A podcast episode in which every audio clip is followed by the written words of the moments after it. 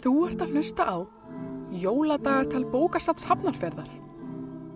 Jólasaga þegar stúfur týndist eftir hremmu. Höfundur les. Ell eftir kapli. Það er komin morgun en stúfur er enn ófundin þrátt fyrir að fjölskylda hans veldi við hverjum steini og gargaði á stúf í alla nótt. Þau hafa miklar áhyggjur því þau vita ekki hvort þau muni nokkur tíman sjá stúf aftur. Hvað ef mann fauk út á sjó? Gríla vill ekki hugsa þá hugsun til enda. Eina tröllið sem ekki er áhyggjufullt þennan morgunin er stúfur sjálfur. Hann liggur enþá undir trénu í hlýju stofinni og hrítur.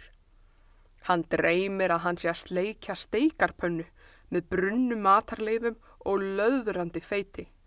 Nammi, nammi, namm. Heimilisfólkið á sveitabænum er farið að rumska og litlir fætur koma trítlandi inn í stofuna. Rattirnar í börnunum vekja stúf sem mann þá samstundis hvar hann er stattur. Sjáu þið, það er einhver undir trénu, segir eitt barnið. Þetta er jólasvinn, hrópar annað. Ó nei, ó nei, ó nei, þau hafa fundið mig, hvað á ég nú til bræðs að taka? Hugsar stúfur skelkaður. Eitt barnana réttir fram höndina og hjálpar stúfi á fætur.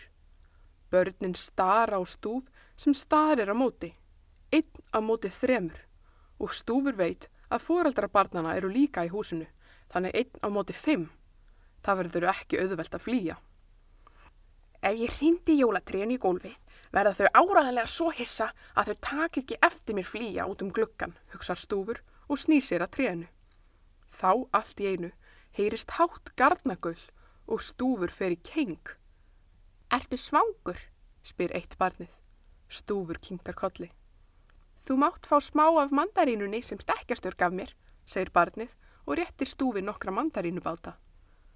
Takk, segir stúfur undrandi.